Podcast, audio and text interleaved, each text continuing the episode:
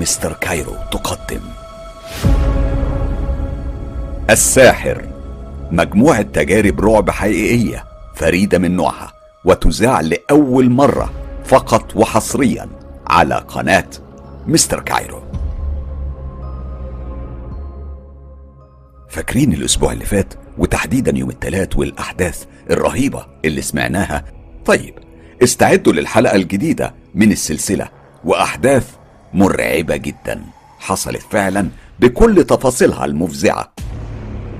الساحر أجرأ وأخطر قصص حقيقية ممكن تسمعها في حياتك. هنا وبس مع مستر كايرو. هستناكم.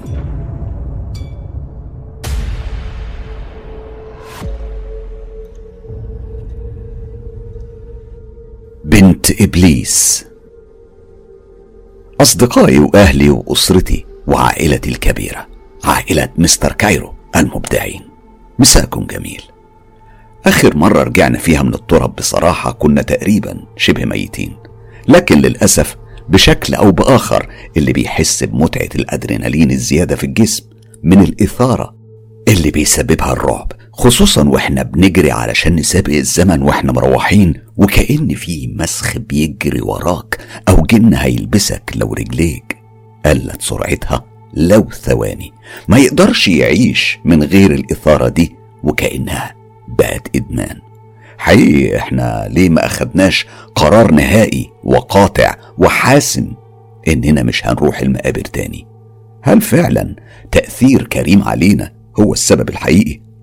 ولا السبب الحقيقي فينا إحنا وإدماننا الإثارة والرعب الواقعي الغير تخيلي اللي بيسكن المقابر وبيعيش وبيتنفس في قصص عم أحمد ولا في ريحة المقابر الخاصة ومظهر القط الغريب اللي اسمه معتز.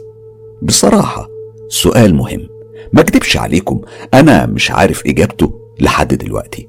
هل فعلا إحنا بقينا مدمنين رعب وإحساس بالخطر في السن ده؟ ولا الفضول اللي غالبا بيكون سبب لأكبر الكوارث؟ هل في حد مننا هتطوله لعنه ما ولا يتلبس من جن ولا هيأثر علينا الموضوع ده.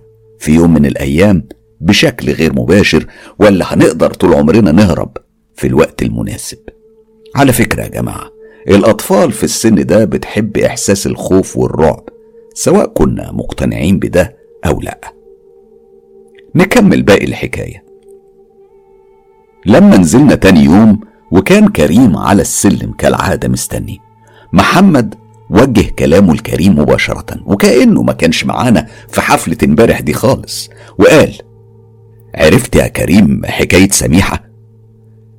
كريم قال وهو مبتسم الابتسامة اللي ملهاش معنى وقال تقصد قدارة؟ قصة قدارة يعني. محمد قال له لا يا عم انت سميحة بنتها. بنفس الابتسامة قال لا يا ابني دي قصة قدارة مش سميحة. سميحة كانت جزء من قصة قدارة. قلت له انت على كده بقى يا كريم تعرف الحكاية كلها. قال ببساطة آه أعرف الحكاية كلها من أولها لآخرها.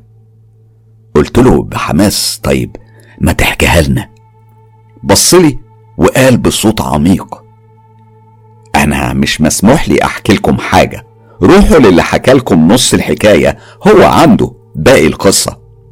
هو كده يقصد عم أحمد الترابي. مفيش كلام طبعا. محمد قال بهزار يعني إحنا مش هنعرف نطلع منك بحاجة؟ رد كريم وقال أنتوا يا محمد كل اللي أنتوا بتعرفوه عن طريقي لولايا أنا ما كنتوش عرفتوا حاجة خالص. من أول سكان المقابر ولحد سميحة. أنا اللي بقول لكم على كل حاجة.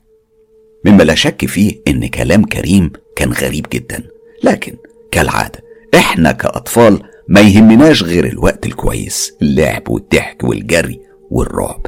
وإحنا ماشيين بعد بيتنا بكام شارع لقينا كريم بيشاور على بيت قديم قوي. شكله مقبض. بيت معمول من الطوب الني لونه أسود يعني لون الطين. كان البيت من دور واحد. بابه كان خشب قديم حجمه كان كبير جدا. الباب محروق وده اللي خلى لونه أسود زي لون البيت. تحس كده إن البيت ده حفرة بين البيوت. شكله كان شاذ جدا في الشارع. واضح عليه إن بقاله فترة طويلة فاضي. وهنا كريم قال شايفين البيت ده؟ رديت أنا ومحمد في نفس اللحظة. آه آه أكيد إحنا ما كناش مركزين مع إيديه وهو بيشاور علشان زاوية الرؤية مختلفة. ومع ذلك أنا ومحمد قلنا آه وكأننا عارفين ضمنيا إنه بيشاور على البيت الغريب. قال كريم ده بيت قدارة. قدارة كانت تعتبر جارتكم. أنتم إزاي ما تعرفوش حكايتها؟ رديت عليه وقلت له آه إحنا سمعنا اسمها قبل كده بس ما حدش قال حكايتها قدامنا. وكملت باستنكار يمكن يعني علشان هي كانت بتشتغل في السحر وكده. قال كريم وعلى وشه نفس الضحكة ويمكن علشان ما حدش يعرف قصتها الحقيقية. فضلنا نتكلم عن نفس الموضوع لحد ما وصلنا للتراب. وكالعادة توجهت أنا ومحمد جوه المقابر رايحين على عم أحمد الترابي. كنا ماشيين بحذر علشان ما نقلقش. وزة بيه بس الغريب إن وزة ما كانش له أي أثر. ريحة المقابر كانت مختلفة عن أي يوم. تحس كده إن ريحة العطن زيادة النهاردة. حاجة كده مزيج بين المية والدم. أكيد ده تأثير ليلة امبارح. وصلنا عند عم أحمد اللي لما شافنا ضحك وقال أنتوا عايزين إيه تاني يا عيال؟ مش كفاية حكاية امبارح. ضحكنا علشان نستعطفه بما إنه ودود كده يعني. وقال محمد أمال فين يا عم أحمد؟ ما شفناهوش النهاردة خالص في التراب. ضحك عم أحمد وقال آه هو تلاقيه لسه ما فاقش من ليلة امبارح. وكمل بحكمته المعهودة. أصل أنتوا ما تعرفوش الأرواح بتتعب قد إيه في يوم زي ده. قلت له أنا بحماس. طيب آه يلا بينا نروح بقى على مكانه علشان تكمل لنا الحكاية. وهنا ظهر الغضب والرعب على وش عم أحمد؟ كأني بقول له عايز أفتح تربة. وقال عرفتوا منين إن فيه تكملة للقصة؟ محمد قال له بسرعة أصل إحنا سألنا في الحتة عندنا وعرفنا إن قدارة كانت جارتنا.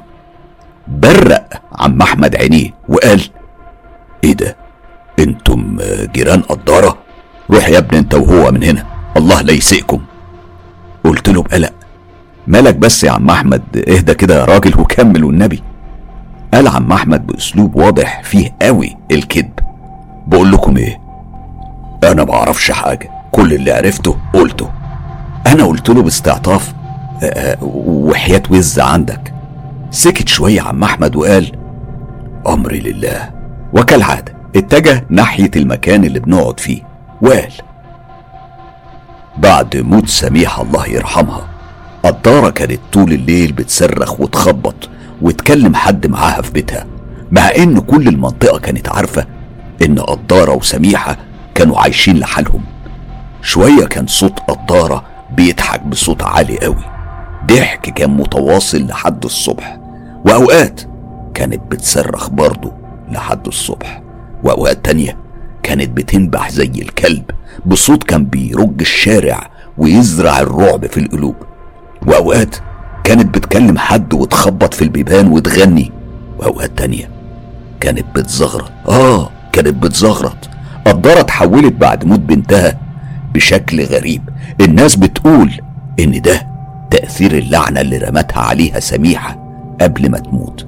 قدارة اتبدلت بعد ما كانت ولية هادية وغالبا ساكتة. هي صحيح كانت كلها شر وبتعمل أعمال وسحر. بس بيتها كان هادي قوي. مفيش مانع ما بين فترة والتانية يكون في زار أو جلسة تحضير أرواح بيكون فيها بس أصوات غريبة وإزعاج. بس ده ما كانش بشكل مستمر. المهم الدارة عرفت من تحقيقات الشرطة إن سميحة اتحركت بعد الدفن. خرجت من قبرها يعني ماشية على رجليها وإنها تقريبا ممكن تكون ماتت من الخوف. ساعتها قدارة عملت عمايل. فضلت تصوت وتقول أنا عارفة إن بنتي عايشة. أنا عايزة أطلع بنتي. وبرغم تأكيد النيابة والطب الشرعي إن سميحة ماتت بس هي كانت متأكدة إنها عايشة. الناس اللي حواليها بيقولوا إنها كانت مقتنعة إن الروح اللي فيها هي اللي عايشة في جسم بنتها. وده بالظبط اللي عايزاه قدارة. عايزة الروح قبل بنتها. قدارة كانت بتحضر روح ملكة من بنات إبليس. كانت هتنفعها قوي في الأعمال السفلية. المهم قدارة دفعت فلوس للواد رضا بن عوض زي ما قلت لكم. هو اللي ماسك مكان أبوه وطلعت فعلا جتة بنته. بس كانت خلاص الجتة متهالكة. تقطيع التشريح والدفن فترة كان خلى الجتة عفنت وأجزاء كتيرة منها اتقطعت. اتفقت مع رضا إنه يوصل لها الجتة على البيت وفعلا حصل. ما تستغربوش ابن نخاس الترب لازم يطلع مجرم زي أبوه. من اليوم ده رجع الهدوء تاني لبيت قدارة بس صوت تحضير أرواح كان بيطلع من بيتها كل يوم كل يوم تعويذ. وطلاسم وشغلانة مرعبة كرهت جيرانها في العيشة لدرجة إنهم اتجمعوا وكانوا عايزين يطردوها من الحتة.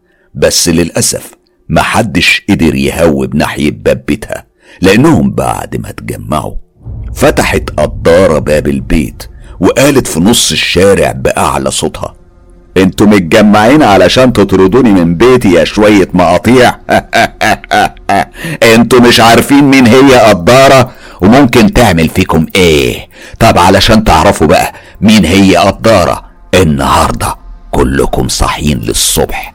الشارع كله مش هيغفله عين ليلة بحالها وأنا عارفة هعمل كده إزاي. وعلشان تعرفوا مين هي قدارة وتقدر تعمل إيه يا جرابيع والراجل منكم يحاول يقرب من بيتي.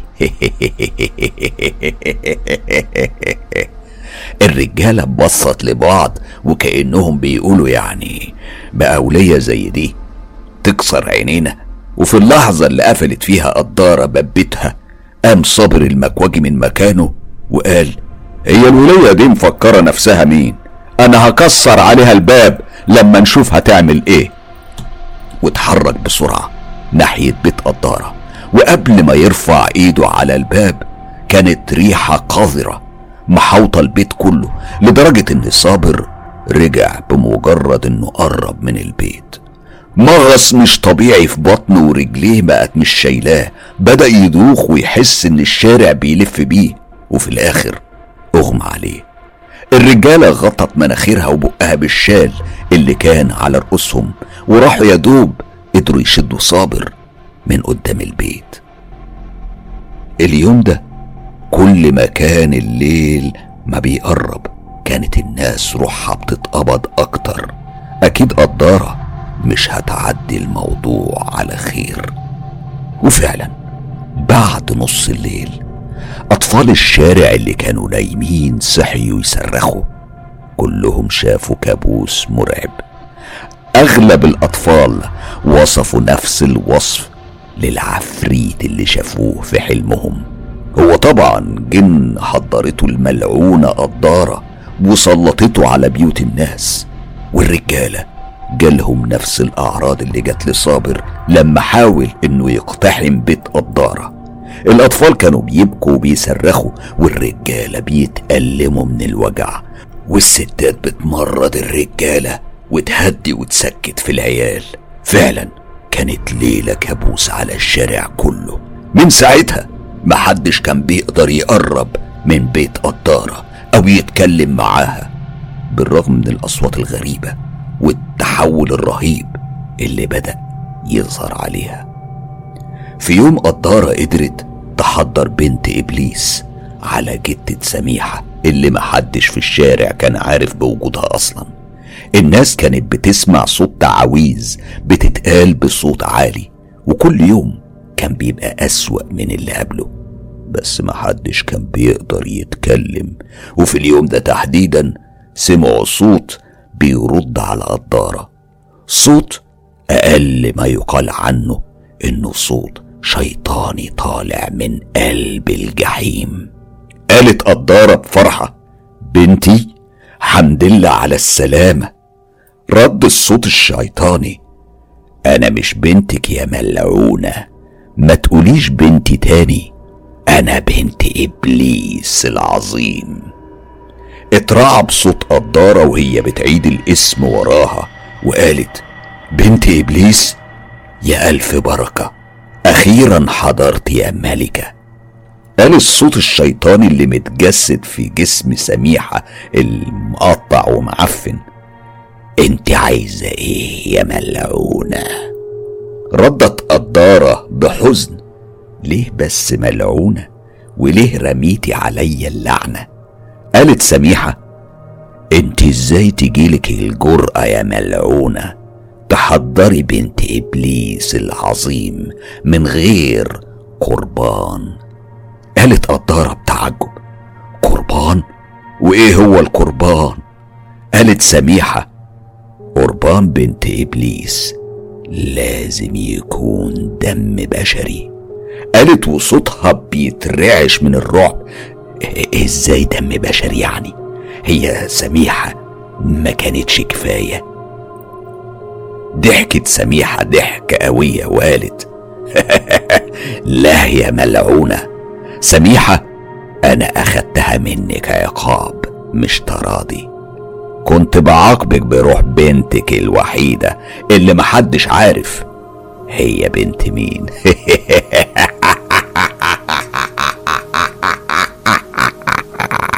التراضي بقى لازم يكون روح ودم بشري. لازم تذبحي أي بشري كل أول قمر لو عايز ارضايا عنك ومساعدتي فرحت قدارة جدا بالعرض وقالت يعني أنا لو قدمت قربان أول كل شهر عربي هتشيل اللعنة اللي عليا وتساعديني في أعمالي؟ صرخ الصوت الشيطاني وقال مفيش عهود قبل القربان يا ملعونة. بنت إبليس لا تساوم. أنا اللي أفرض شروطي. أنت كل اللي تقدري عليه تقولي السمع والطاعة. في البداية لازم تبقي خدمتي وتقدمي فروض الطاعة والولاء لإبليس العظيم. يعني من الآخر استعباد مش تعاون تبقي خدمتي وساعتها كل حاجة هتتغير حالك كله هيتغير. قالت قدارة بحماس. وأنا قبلت خدمتك يا ملكة؟ ضحكت سميحة وقالت مش بالبساطة دي. قربانك الأول وفروض الطاعة والصلاة لإبليس وساعتها بس هنظر في أمرك. قالت قدارة وكأنها افتكرت صعوبة الحصول على قربان بشري. آه لازم القربان ده يعني يبقى عايش ردت عليها سميحة بحدة. انت عايزة تذبحي لي قربان ميت يا ملعونة.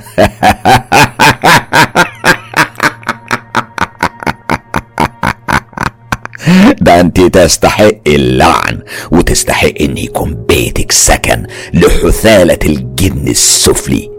يا حقيرة. الدارة بلعت ريقها بصعوبة. لما حست الأرض بتتحرك تحتها والحيطان بتبتدي تشقق وقالت خلاص خلاص أرجوكي ما تغضبيش عليا أنا تحت أمرك. ده أنا خدمتك وخدمة إبليس المخلصة.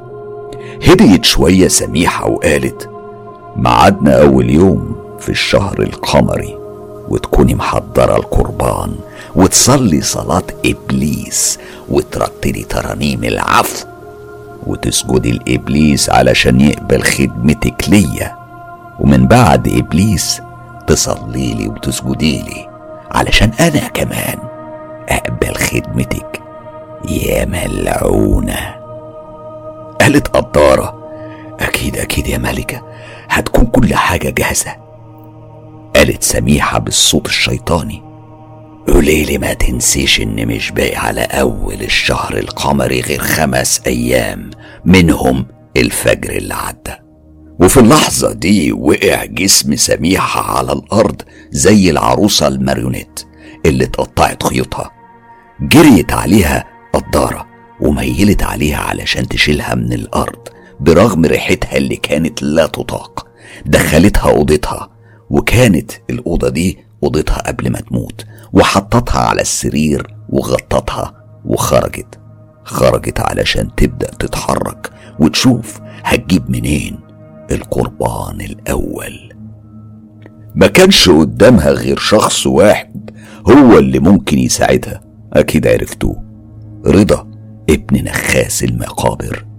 راحت قدارة لرضا الترب برغم إن الساعة كانت عدت نص الليل بساعات. خبطت قدارة على الحوش اللي بينام فيه رضا وهي بتنادي رضا! رضا!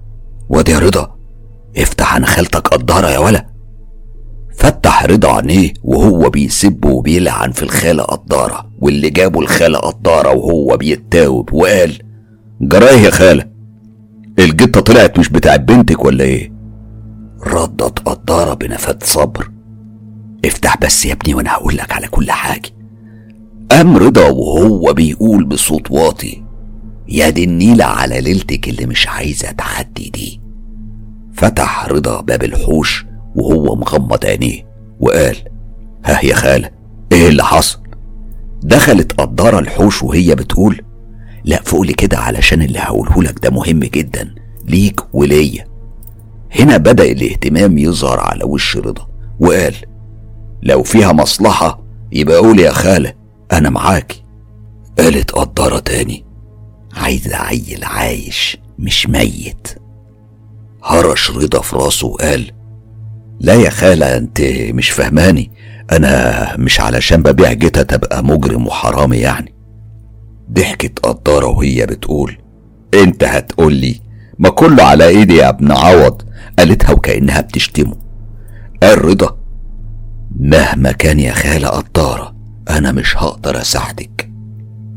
قالت قدارة بصوت أقرب لفحيح الأفاعي وساعدتها طبعا الحشرجة اللي كانت في صوتها وقالت ما هو مش بمزاجك يا واد؟ أنت عارف لو ما ساعدتنيش إيه اللي ممكن يحصل؟ قال لها باستهتار هتعملي إيه يعني يا خالة؟ أنا ياما شفت وبيني وبينك أنا عارف اللي فيها وكله دجل وشعوذة مش أكتر.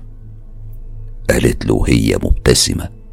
طيب بص وراك كده وقول لي إيه رأيك.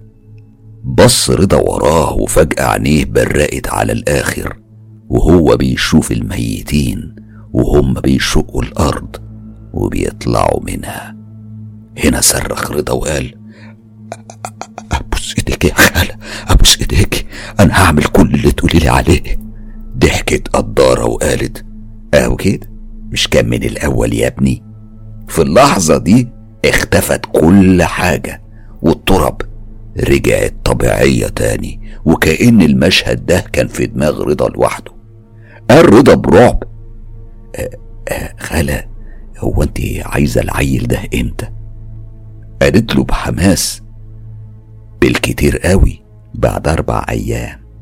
وتحولت لهجتها للتهديد وقالت انت عارف ياض يا رضا لو العيل ده ما كانش جاهز بعد أربع أيام هعمل فيك إيه؟ رد رضا بانكسار. عارف يا خالة عارف عارف. قامت قطارة ومشيت ناحية الباب اللي كان واقف قدامه رضا وخبطت على كتفه وقالت نفذ يا ابني اللي قلته لك الشر اللي حضرناه كبير. ما فهمش رضا حاجة من الجملة الأخيرة لكنه حس منها بخطر كبير قوي. رضا كان في موقف لا يحسد عليه لأنه بصراحة عمره ما فكر في خطف أطفال. يعني كان بيبيع جتت ماشي يسرق مقابر ماشي يدفن أعمال ماشي إنما يخطف أطفال هيعملها إزاي دي؟ عدى تلات أيام. كان رضا بيحاول يستدرك فيهم أي طفل للحوش بتاعه من الأطفال اللي بتروح التراب يزوروا مع أهاليهم. لكنه معرفش حاول وفشل مرة من أم الطفل للحظة قربه الزيادة عن اللزوم من ابنها ومرة من الخوف. بس خلاص كده وصل لآخر يوم. يعني النهاردة لازم يكون معاه طفل. في اللحظة ديت وهو قاعد بيفكر شاف طفل عنده حوالي تسع سنين بيجري ورا كورة على بعد النظر. تقريبا عيل من العيال اللي بتلعب كورة على أول التراب وهنا جات له الفكرة هيروح يقعد قدام شوية ولو حد من العيال دي دخل المقابر تاني هيحاول يستدرجه لجوه شوية وبعدين يكمم بقه ويحجزه في الحوش بتاعه وبالليل يوديه للمجرمة قدارة وقد كان وصل رضا عند قدارة بالعجلة اللي كان شايل عليها جسم محطوط في شوال وساب لها الواد متكمم علشان ما يقدرش يطلع صوت غير شوية همهمة محدش يسمعها غير اللي شايل الشوال. وكده كده الساعة كانت قربت على اتنين الفجر. قدارة شالت الواد وهي بتقول جدع يا يا رضا ولسه هتلف وتدخل؟ قال لها جدع إيه بس يا خالة فين عرقي؟ ولا انت فاكرة علشان هتديني ليلتها هشتغل معاكي لله وللوطن؟ بصت له قدارة باشمئزاز وقالت له اتلقح هنا لحد ما أرجع لك. غابت جوه مش أكتر من دقيقة. وخرجت في ايديها مبلغ كويس. حطتهم في ايده وهي بتقول له صحيح اللي خلف ما ماتش. ابتسم رضا وهو بيقول لها على أساس إنك يا خالة يعني بتشتغلي في عمل مفارش التريكو. ده أنت أكتر واحدة بتكسبي من ورايا. أنت ده أنت بتشتغلي في السحر يا قدارة لو مش واخدة بالك يعني وأنت محتاجة أكتر مني. أنت اللي خبطتي بابي. مش أنا اللي خبطت بابك. قالت قدارة بنفاذ صبر. شش! يلا بقى يلا من هنا. انت هتعلمني الأدب ولا إيه يالا لف رضا بالعجلة ورجع للمقابر. ولفت قدارة ورجعت لجوه البيت. رجعت لبنت إبليس. ولعت قدارة المبخرة. واستعدت بالبخور والتعاويذ والطلاسم. كل اللي يخص السحر كان معاها في اللحظة دي. وقعدت تقول طلاسم اللي كان لابد منها وجود دم القربان على البخور. ودايرة ونجوم خماسية بدم القربان. تقريبا كل حاجة هتترسم أو تتكتب أو تتقال لازم تكون بدم القربان. اللي بيخاف أو قلبه ما بيستحملش يا جماعة فيه مشهد مؤلم جاي. جابت قدارة طشت نحاس حطته تحت دماغ العيل اللي كان قرب يفقد الوعي من الحبسة في الشوال وكان لسه بينازع وبيستغيث وبدون أي رحمة مسكت سكينة كبيرة اشترتها مخصوص للذبح وقربتها من وش الطفل اللي دموعه غرقت الشوال. ما حنتش لدموعه ولا لصريخه اللي زاد على شكل أنين بيطلع من تحت الكمامة اللي على بقه. ما رحمتش أمه وأبوه اللي أكيد هيموتوا عليه دلوقتي. وفي منتهى الحدة مسكت شعر الولد شدته لورا ودبحته في تلذذ.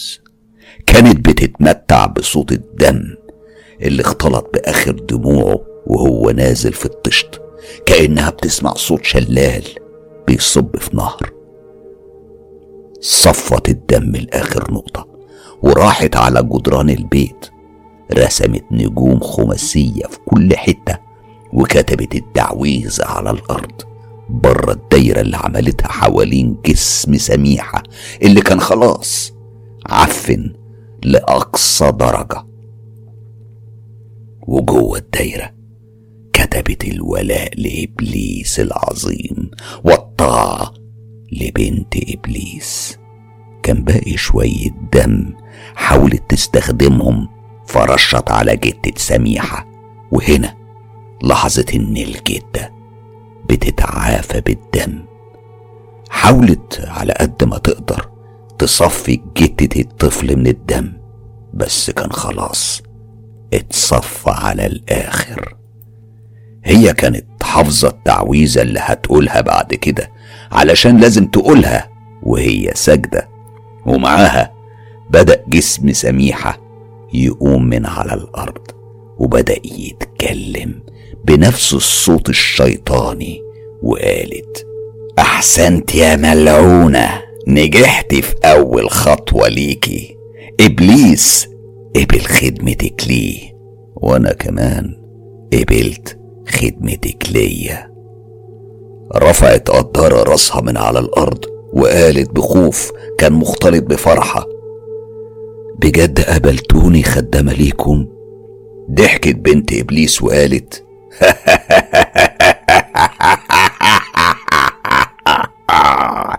طبعا قبلنا. دلوقتي بقى. قوليلي انت عايزة إيه؟ وبتسعي لتحقيق إيه قالت قدارة بصوت بيترعش من الخوف. أقول يعني طلباتي كده عادي؟ قالت سميحة بغضب. مادام امرتك بالكلام تتكلمي على طول. قالت قدارة ولسه الرعب بيتملك منها. أنا يعني عايزاكي تساعديني في شغلي.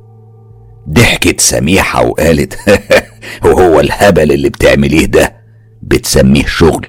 الكام جن اللي انت مسخراهم لخدمتك دول بيعرفوا يعملوا شغل. أنا هقولك تعملي إيه بالظبط. وسيب النتيجة على خدامي من الجن. من الآخر أنا هساعدك. وانت اقبلي كل حد يجي ويطلب منك شر. قلقت قدارة وقالت في خير يعني آه ولا شر؟ سميحة ردت عليها بحدة أنا ما قلتش غير شر. أنت مش هتشتغلي غير على الأعمال السفل المستعصية عن أي حد وللشر وللأذى بس. اللي يجيلك في قلب حبيب أو رفع عمل أو سحر ترفضيه من قبل ما يدخل بيتك. مفهوم؟ قالت قطارة والكلام بيقف في بقها من الرهبة. مفهوم مفهوم مفهوم مفهوم مفهوم. من هنا حياة قدارة اتغيرت كتير. بعد ما كانت بتعمل العمل أو السحر بكام قرش للناس الغلابة بقت بتعمل أعمال بمئات وآلاف الجنيهات وبقت بتيجي تقف قدام بيتها المعفن ده أفخم عربيات. كل ما يتخيله أي حد من شر كان بيحصل. كانت لعنة في الشارع الست دي. لحد دلوقتي مفيش حد بيجيب سيرتها أو اسمها على لسانه. حياة قدارة اتحولت تماما. بس دوام الحال من المحال.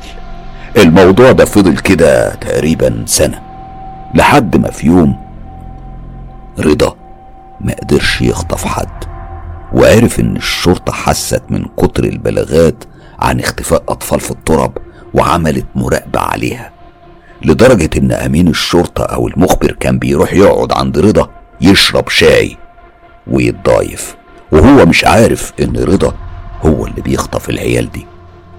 راح رضا القدارة قبل ميعاد الشهر بيوم وقال لها إنه مش هيقدر يخطف حد واللي عندها تعمله.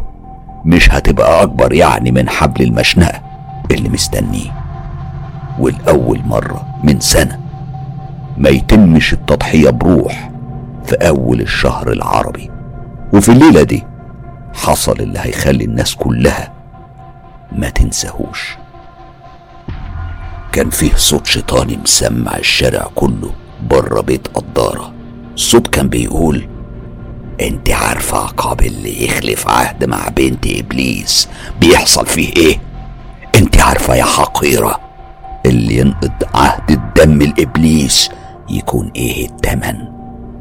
صوت قدارة كان بيعلى بتعويذة اعتقدت إن فيها الحماية مع صوت الضحكات الشريرة من بنت إبليس.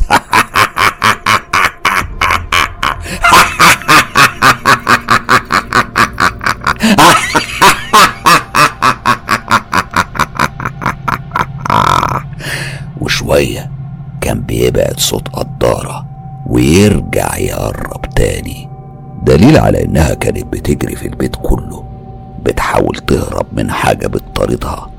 ومع كل ده كان في ريحة دخان الدخان كان جاي من جوه البيت بس مفيش حد عارف إيه بالظبط اللي بيتحرق. قدارة لسه بتصوت والكيان الشيطاني بيضحك. واضح إن ريحة الدخان دي مش ريحة قدارة الناس اتجمعت قدام بيتها. كانوا ناويين يكسروا الابواب ويدخلوا بس في اللحظة دي النار مسكت في الباب ولسه قدارة بتصوت. الناس خافوا من النار وخافوا من الصوت أكتر اللي قال بحدة مرعبة اللي هيقرب هيتحرق.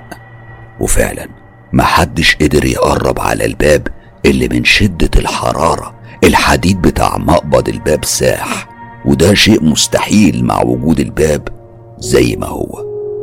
الباب اتحرق واتفحم بس ما اتكسرش ولا وقع. كأن اللي جوه مش عايز حد يشوف إيه اللي بيحصل. صوت صريخ قدارة اللي كان بيقل كل كام ثانية. دليل على إن النار مسكت فيها وإن روحها الشريرة شكلها بتتلذذ بعذابها وهي بتموت. طبعا الأهالي اتصلوا بالشرطة والمطافي بس كالعادة كلهم وصلوا بعد ما كل حاجة انتهت. بصلنا عم أحمد وقال وهو مبتسم قوي وكأنه فخور باللي كان بيحكيه وقال بس خلاص خلصت كده قصة قدارة وسميح بنتها وبنت إبليس والبيت لسه لحد دلوقتي على حاله كده والناس بتسمع منه أصوات مرعبة. طول الليل. كان في سؤال مهم جدا في بالي ما كنتش أقدر أمشي من غير ما أسأله. فقلت لعم أحمد يعني رضا ده كان بيخطف العيال اللي بتلعب على أول التراب يا عم أحمد؟ ضحك عم أحمد برخامة وقال آه وكمل وهو مبسوط. علشان كده أنا من ساعتها منع العيال بتوع المنطقة يلعبوا كورة في الحتة دي خالص. أنا بصيت لمحمد اللي فهم قصدي وهنا محمد قال طب شكرا يا عم أحمد إحنا هنمشي بقى دلوقتي. وأخدنا بعضنا ومشينا. ودي كانت أول مرة نخرج ماشيين مش بنجري.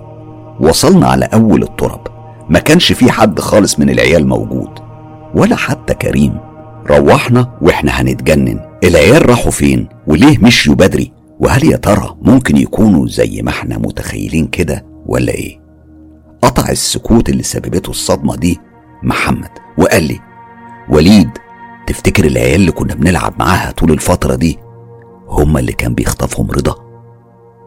قلت له وأنا نفسي مش مقتنع بكلامي. لا يا محمد أكيد لأ. ممكن يكونوا العيال اللي كنا بنلعب معاهم مشيوا بعد ما عدت عليهم جنازة بنت جديدة وإحنا قاعدين جوه مع عم أحمد. أنت عارف إن اليوم اللي بتدفن فيه بنت شابة بيبقى فيه مشكلة في التراب.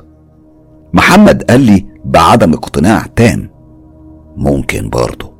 نمنا اليوم ده وإحنا متأكدين إن تاني يوم كريم هيحل لنا المشكلة دي ويقول لنا الحقيقة فين. تاني يوم كنا نازلين متحمسين علشان نقابل كريم علشان نعرف هو مشى بدري امبارح ليه. بس واضح إن كريم ما كانش قاعد على السلم زي كل يوم. محمد بصلي بقلق وقال لي وليد تفتكر نخبط نسأل عليه أبوه وأمه؟ أنا قلت له بشيء من الخوف. بقول لك إيه؟ ما هو قال لنا بقى ما نسألش عليه جوه خالص. يلا بينا نروح نشوفه عند التراب. مش يمكن مشى قبل ما ننزل. رحنا على المقابر بس للأسف مفيش حد خالص. فجأة لقيت محمد بيصفر صفارة قريبة من اللي كريم كان دايما بيصفرها علشان يلم بيها عيال الحتة.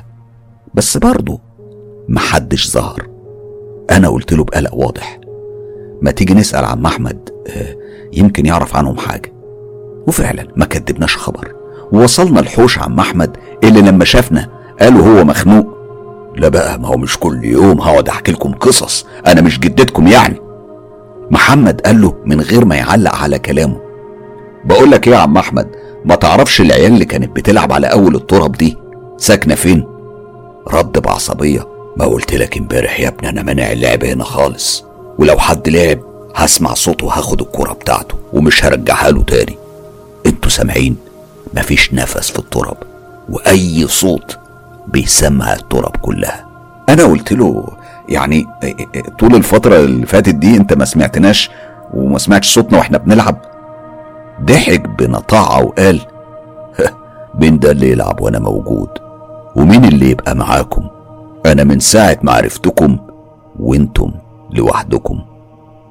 إحنا اتفاجئنا فعلا إننا طول الفترة دي محدش فيهم اقترح إنه يجي معانا ولو حتى من باب الفضول. وقتها إحنا أخدنا قرار نهائي ساعتها إن إحنا هنرجع نخبط على أبو كريم عشان يقول لنا كريم فين وظروفه إيه. وفعلا سيبنا عم أحمد وروحنا. وتاني رحنا خبطنا على الشقة بتاعت كريم. فتحت المفروض أمه. محمد قال لها حاجة أه هو كريم فين إحنا عايزين نلعب معاه.